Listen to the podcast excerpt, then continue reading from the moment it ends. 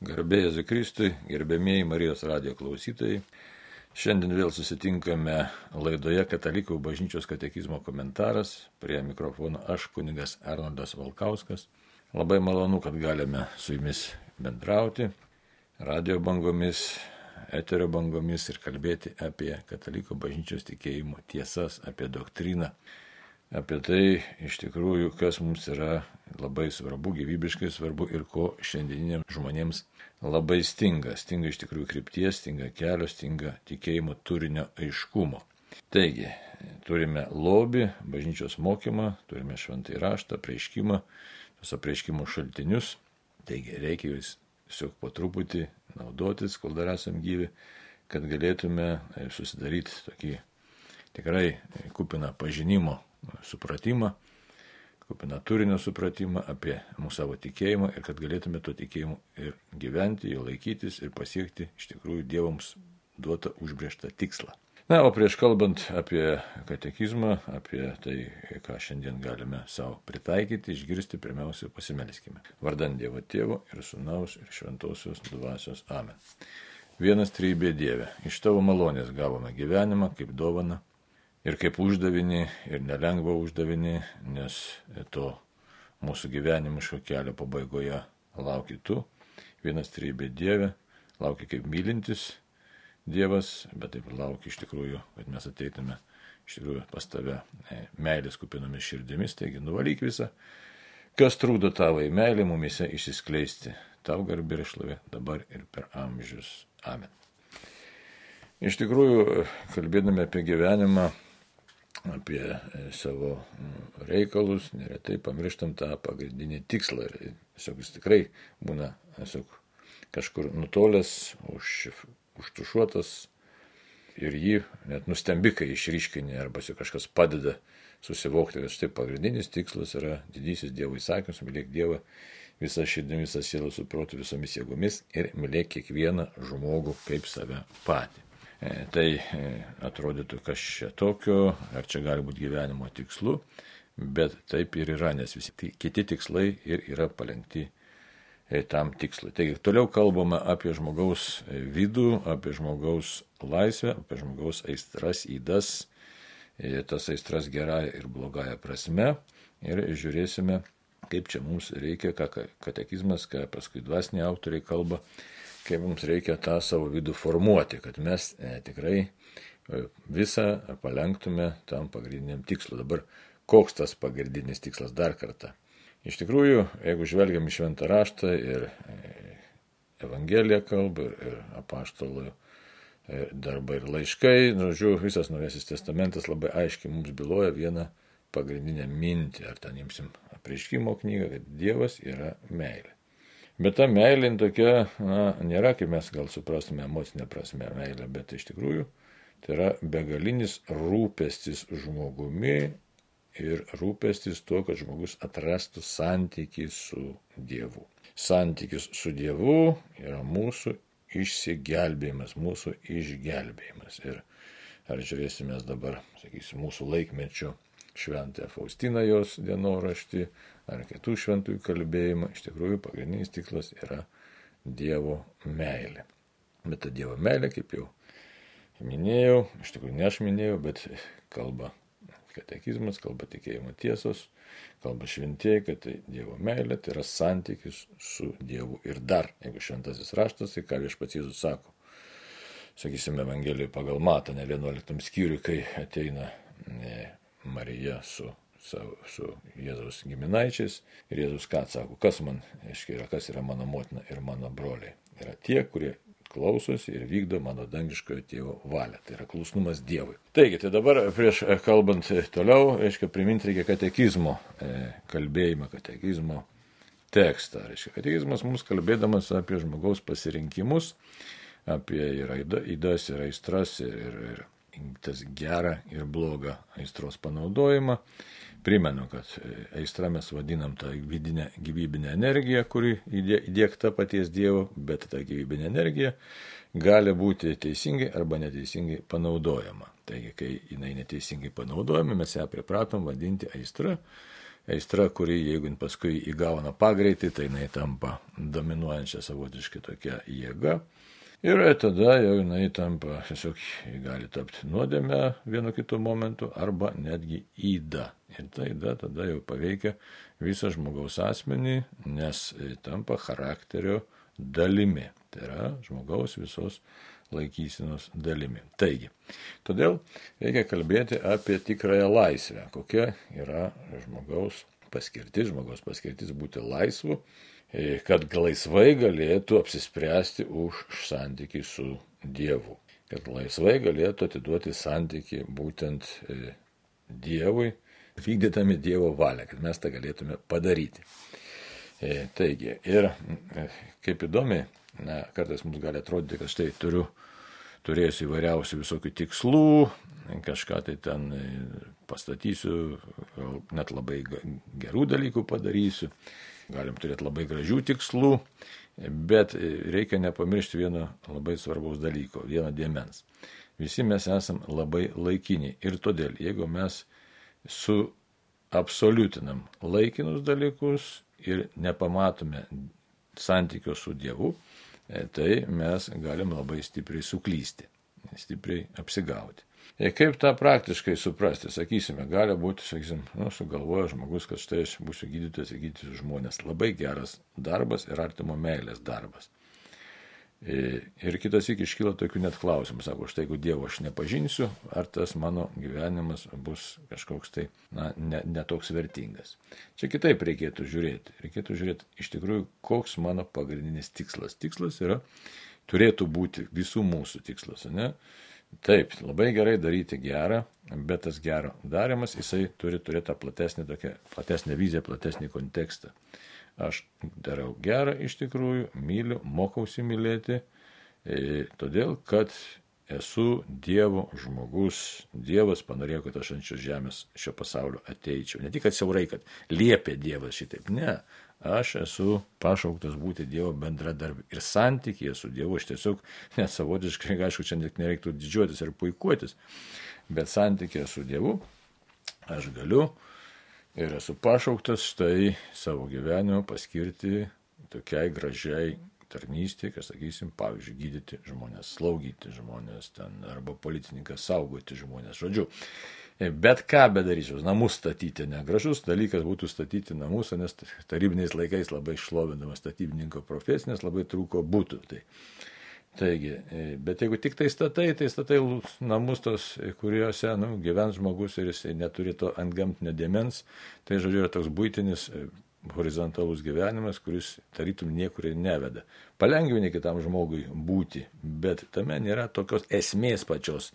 Čia reikia suprasti vieną dalyką. Darbą padarai gerą, bet jeigu nesuvoki tos esmės, gelmės, kam tu esi pats pašautas, labai apiplėši patį save. Tai štai, žiūrėkime katekizmą, bet priežiūrint katekizmą vieną dar tokią mintį reikia prisiminti. Mes visi esam kažkiek sutrikę ir jeigu mes žiūrėsime autorius, šventą raštą galim taip pat prisiminti, aiškiai, visi esam nusidėję. Dvasiniai autoriai ką kalba apie tai, kad štai žmogaus tas pažinimas yra dalinis. Apaštalas Paulius čia pirmiausia sako, ne, žmogaus pažinimas yra dalinis. Ričiman, Raimondas Lloydas irgi sako savo sielos gydime knygoje, kad štai mūsų tas pasaulio suvokimas labai toks siauras. Ir todėl mes esam kažkiek visi sutrikę ir mūsų pažinimas dalinis. Tai todėl ir ta meilės kalba, kurios mes esam kviečiami mokytis, jinai e, tiesiog taip pat ir gali ir, ir yra iš tikrųjų sutrikusi. Mes tik tas sutrikimo laipsnis yra ne vienodas. Galim būti labai stipriai sutrikę, e, o galim būti mažiau sutrikę. Ir todėl mokymasis pažinti tiesą yra krikščionio irgi uždavinys. Tai Dabar pasižiūrėkim, ką sako katekizmas 1739 numeris. Kalbama apie žmogaus laisvę išganimo ekonomijoje. Tai yra susiję būtent irgi su mūsų vidumi labai stipriai. Dabar ta išganimo ekonomija, tai iš tikrųjų išganimo procesas, galėtume taip sakyti, yra Dievo išganimo procesas. Ne? Tai 1739 kalba šitaip. Apie, kalba apie laisvę ir nuodėmę. Žmogaus laisvė yra ribota ir klaidi. Na, kaip minėjau. Žmogau, žmogus iš tiesų suklydo, laisvai nusidėjo. Atmesdamas Dievo meilės planą, jis apsigavo ir tapo nuodėmės vergu. Tas pirmas susvetimėjimas pagimdo kitus. Žmonijos istorija nuo pat pradžių ženklino nelaimės ir prievartą, kilusios iš žmogaus širdies netikusiai naudojantis laisvę. Taigi, Nelaimės ir prievarta reiškia kyla iš žmogaus širdies, kuri netikusiai naudojasi savo laisvę. Tai štai ir mes nesam kažkokie, tai mes visi, tai aš kalbantis, jūs klausantis, ar mes visi bendrai, mes nesam kokie, kažkokie tai išskirtiniai. Ir mums taip pat grėsia netinkamai naudotis savo laisvę. Ir iš tikrųjų mes ir naudojamės ją neretai netinkamai tą savo laisvę. Toliau labai įdomus dalykas, e, kad aistros susijusios, visos aistros, kurios mus arba stato arba greuna, susijusios su meile. Ir kadangi mūsų pažinimas dalinis, ribotas dalinis, tai ta mūsų meilė taip pat tampa neretai netvarkinga. Ir žmogus nustemba, kad štai sako, lyg tai norėjau mylėti, kažką tai norėjau gerą daryti, bet nesigavo man ir neišėjo. Arba gavosi kažkaip keistai ir tada įmam kaltinti kažką tai kitą. E, tai kaip tas pats e, Raimondas Loidas sako savo sielos gydėme, e, tai reikia kalbėti apie tam tikrą, na, sakykime, šitaip mūsų tikrovės lauką. Kas tas tikrovės laukas? Tai yra kaip realiai viskas aplink mus dėstosi, vyksta, kas čia darosi. Nes yra daug grėsmių mūsų laisviai. Kaip ją realizuoti, ką su ją daryti E, šiaip jau, kaip minėjau, mūsų e, laisvė skirta realizuoti meilė, tačiau daug dalykų mus nukreipia nuo to pagrindinio tikslo pažinti Dievą, jį pamilti kaip aukščiausią gėrio šaltinį. Ir iš esmės, iš tikrųjų labai įdomu, nes mes turbūt mažai kas susimastom ir, ir taip, na, gal tik tai paskaitom kokią knygą, gražią religinę knygą ir sako, nu, ten gražiai rašo, čia tarnauti Dievui, čia tik šventieji tą gali daryti, galvoti pastovę apie Dievą, o šiaip gyvenimas yra kitoks. Iš tikrųjų jis nėra kitoks, yra tik tai mūsų pasirinkimai, mes galim pasirinkti vieną ar kitą dalyką, arba nepasirinkti, o iš tikrųjų tai viskas e, vyksta e, tiesiog taip, kaip žmogus apsisprendžia, ko jisai nori. Tai. Taip, kad tas tikrovės laukas, e, kas yra, kad mes žiūrėdami į save, į pasaulį, galim neretai nustepti, pamatyti savo vidų, e, kad štai mūsų ta asmenybė nėra tokia jau labai vienalytė, tai galėtume ją pavadinti e, savotiškai suskilusią, pažeidžiamą labai, paženklytą mirties ženklų. Na ir mes tiesiog e, tikrovę, apsidairę tai tikrovę, pamatom, kad egzistuoja ir mirtis egzistuoja, ir daug blogio egzistuoja ir pasijuntam savotiškai sužeisti ir bejėgiai. Nu, ir todėl daugelis žmonių tas tikrovės laukas bauginas ir mes grėbėmės bet ko, kad kažkaip tai nežvelgti tą pačią tikrovę taip tiesiai, na, maskuojam save, nuo savo sąmonės maskuojam šią savo tikrovę, bandom kažkaip įsitikinti save, kad gyvenam saugiai, ramiai, ir iš savo galvos bandom įstumti žinojimą, kad gali būti visai gyvenime, tai viena dalis žmonių kita žmonių dalis labai patiriam, o gal net, sakysim, net nereikia dalim skirstyti, tame pačiame žmoguje vyksta tie patys procesai. Kita vertus, mes jaučiam savyje, kad štai yra nerimas, tas nerimas toks ir filosofai vadina egzistencinis nerimas, e, matau, koks esu trapus ir kitas įk būna, kad tiesiog pasiduodi tam nerimui, tiesiog visas net, e, ja, dabar ypač būdinga mūsų laikmečiui, labai daug žmonių kenčia nuo nerimo sutrikimų. E, todėl, kad, na, matai, kad nežinai, koks rytojus bus, kas gali būti rytoj, bandai savai įtikinti, kad štai gyvensiu saugiai, bet labai gali būti, kad štai aš negyvensiu taip labai jau saugiai, nes pasaulis yra įvairus ir visko tam pasaulyje yra. Ir visokių mūsų taip pat gyvenimo traumų jau egzistuojančių yra, tų patirčių visokiausių yra.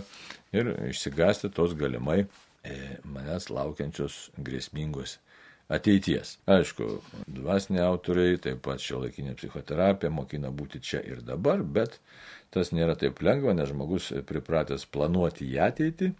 Ir kadangi mūsų protas e, toks ribotas ir pažinimas dalinis, tai mes paprasčiausiai, kadangi savisaugos instinktas veikia, tai mes paprasčiausiai pamatome save pirmiausia kaip galimai veikiamus grėsmės. Na, aišku, čia dar charakteriai, istoriniai, nacionaliniai e, bruožai prisideda tai dabar koks santykis su mūsų laisvė? Visa tai iš tikrųjų labai stipriai įtakoja mūsų laisvę, nes tai irgi taip pat yra ir baimė, ir, ir kiti dalykai, tai yra aistra. Noras save apgauti taip pat yra aistros dalis.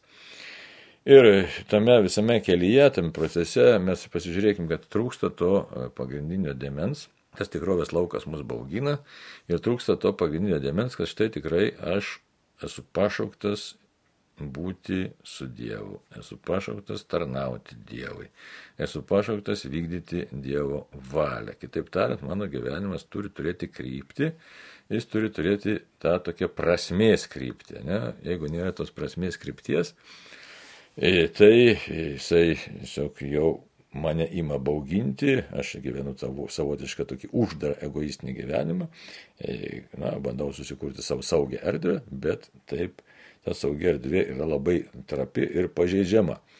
Taip, kad tas mūsų pažeidžiamumas vėlgi mus baugina ir dar ir dar kartą parodo tą mūsų savotišką, sakykime, nu, savo, mūsų, mūsųjo aš skilimą, gal galėtume sakyti tokį, na, šizofreniją savotišką, nu, čia ne, apie, ne, ne esmė.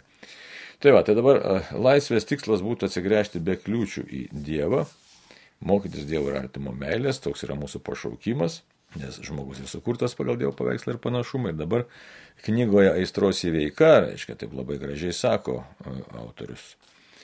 Sako, žiūrėkit, niekas iki galo negali suprasti, kokią dvasinę jėgą slepia tikslas visame kame įtikti vien tik Dievui. Gal čia taip griežtokai skamba įtikti, ne? Galima būtų surasti sinonimą, įtikti, patikti, vykdyti Dievo valią, būti su viešpačiu, nes šiaip bažnytinis buvimas yra krikščioniškas buvimas ir yra būti kartu su Dievo pašaukimas toks. Bet čia jis labai gražiai kalba apie ką. Kad štai turime mes apsispręsti iš tikrųjų, apsispręsti ir įprasminti savo šį gyvenimą, net ir menkiausiame veikime, suprantant, kad štai esu Dieve tavo akivaizdoje. Ir patraukti visus kitus dalykus, kurie man trukdo iš tikrųjų būti Dievo žmogumi. Ir toliau taip sako autorius. O juk, jo, o juk ir menkiausias darbas atliktas Dievo garbiai ir norint jam patikti, yra kur kas vertesnis jo akise negu skambus, didingi, dvasingi darbai, atliekami tokio tikslo neturint. Čia labai įdomus požiūris. Galima padaryti, čia taip yra, galima padaryti ne didžiausius, gražiausius darbus, ne va tai gelbsnis žmoniją, bet pasirodo, tikslas žmogaus nėra čia nustebinti pasaulį, nes Dievas yra šio pasaulio iš tikrųjų kuriejas, bet žmogaus pašaukimas ir esmė būti santykyje su Dievu. Taigi santykyje su Dievu. Ir tada jau kiek tau pavyksta padaryti vienokį ar kitokį darbelį didelį ar netokį didelį. Kitaip tariant, mūsų pašaukimas - santykis su Dievu, o ne tarnystė pasauliu. Čia toks labai dalykas subtilus, galima labai lengvai prasilenkti.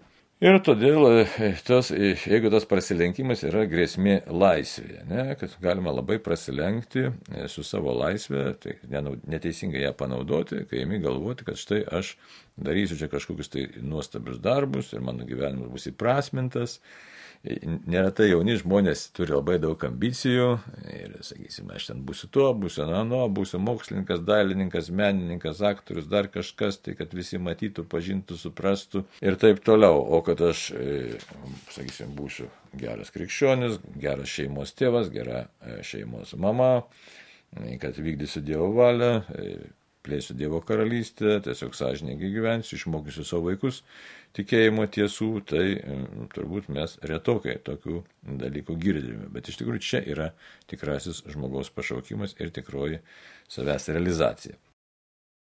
Tai, tai dabar e, todėl e, suprasti reikia, kad mūsų, kaip jau minėjau, dar ir dar kartą reikia prisiminti, kad mūsų supratimas yra formuojamas e, na, mūsų tėvų, mūsų protėvių, buvusių kartų, kultūrinės aplinkos, E, laikmečio tos dvasios, galim tai pavadinti, ir ta laikmečio dvasia, nu kur joje dabar mūsų laikmečio dvasioje Kristaus yra kuo mažiausiai. Na ir prieš mus, e, dar, na, sakysim, ką reiškia prieš mus, mūsų vyresnių žmonių kartoje, šiek tiek jau mūsų tėvų karta, e, pokarinė karta irgi nematė tos visuomeniai tos Kristaus dvasios. Atvirkščiai buvo ateistinė aplinka.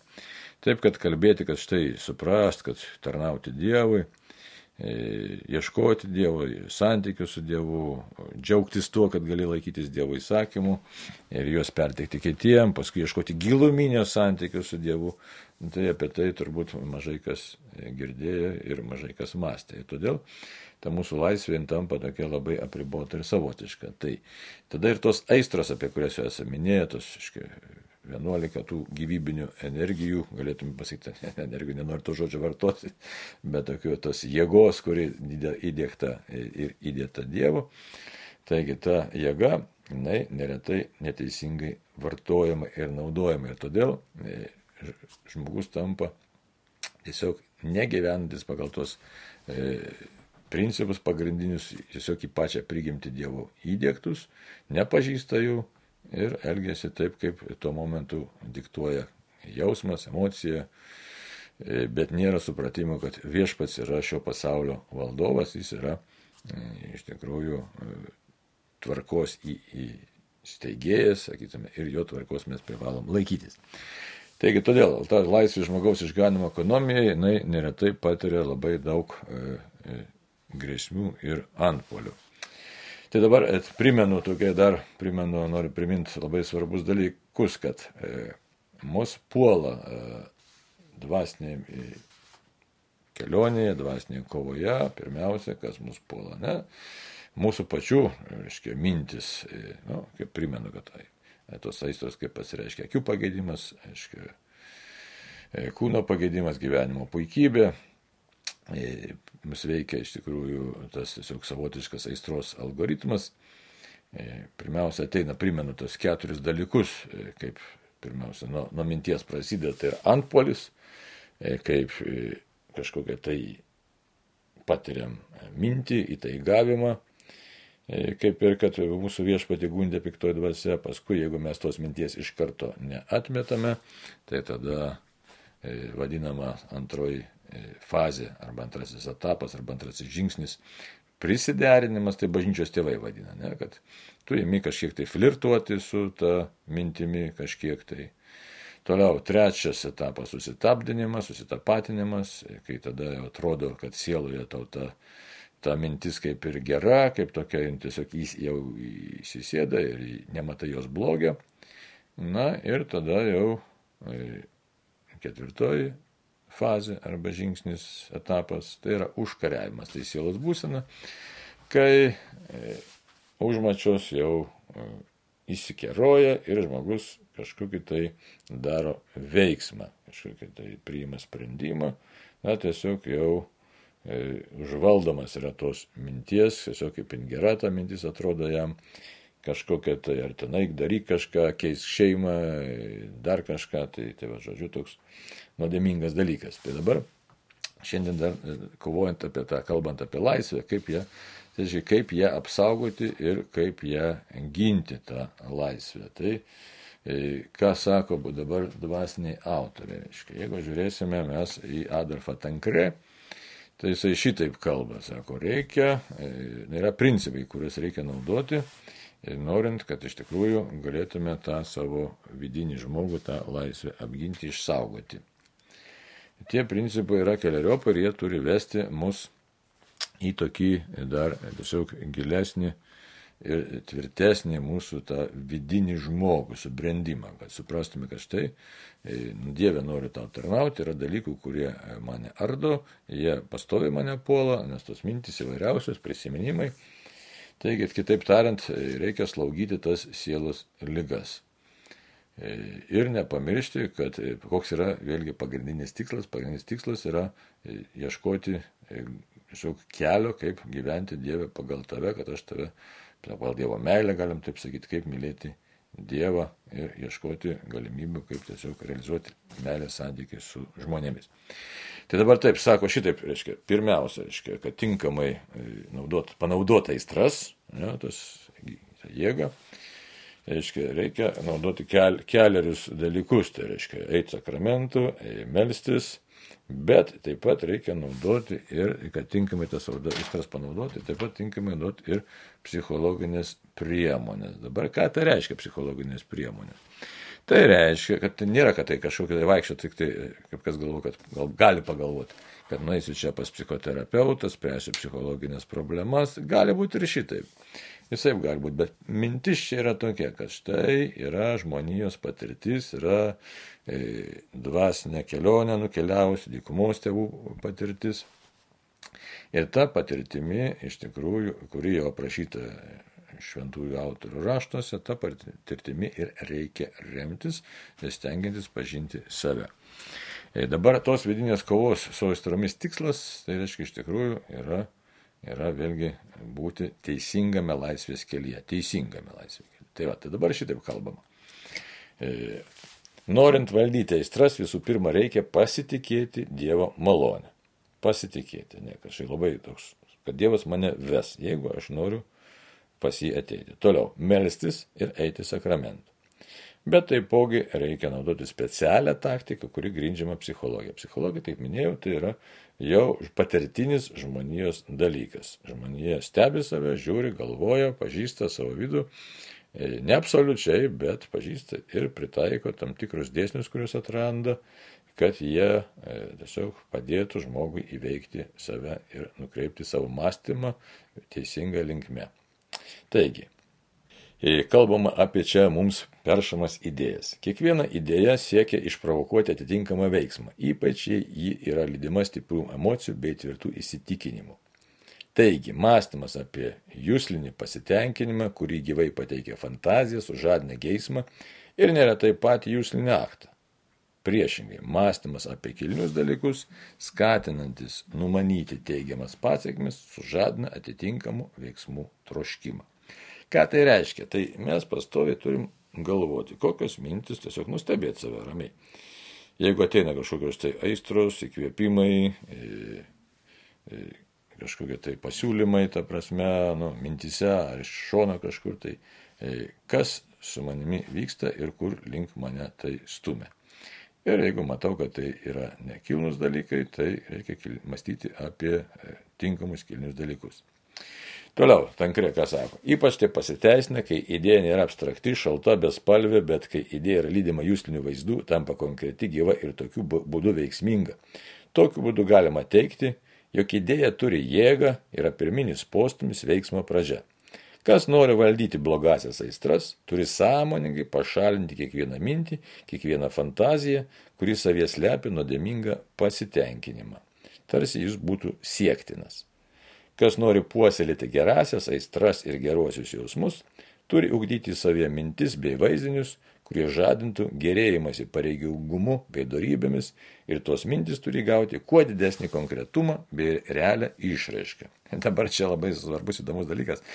E, tai su tom fantazijom reikia labai atsargiai, tiksliau fantazijom. Čia iš tikrųjų, kad mintis netaptų fantazijomis. Mes galim savo prisifantazuoti vienokiu ar kitokiu dalyku, ypač dabar mūsų laikmetyje, kai tiek daug vizualizacijos, tai iš ekranuose, ekranuose, ekranuose viskas.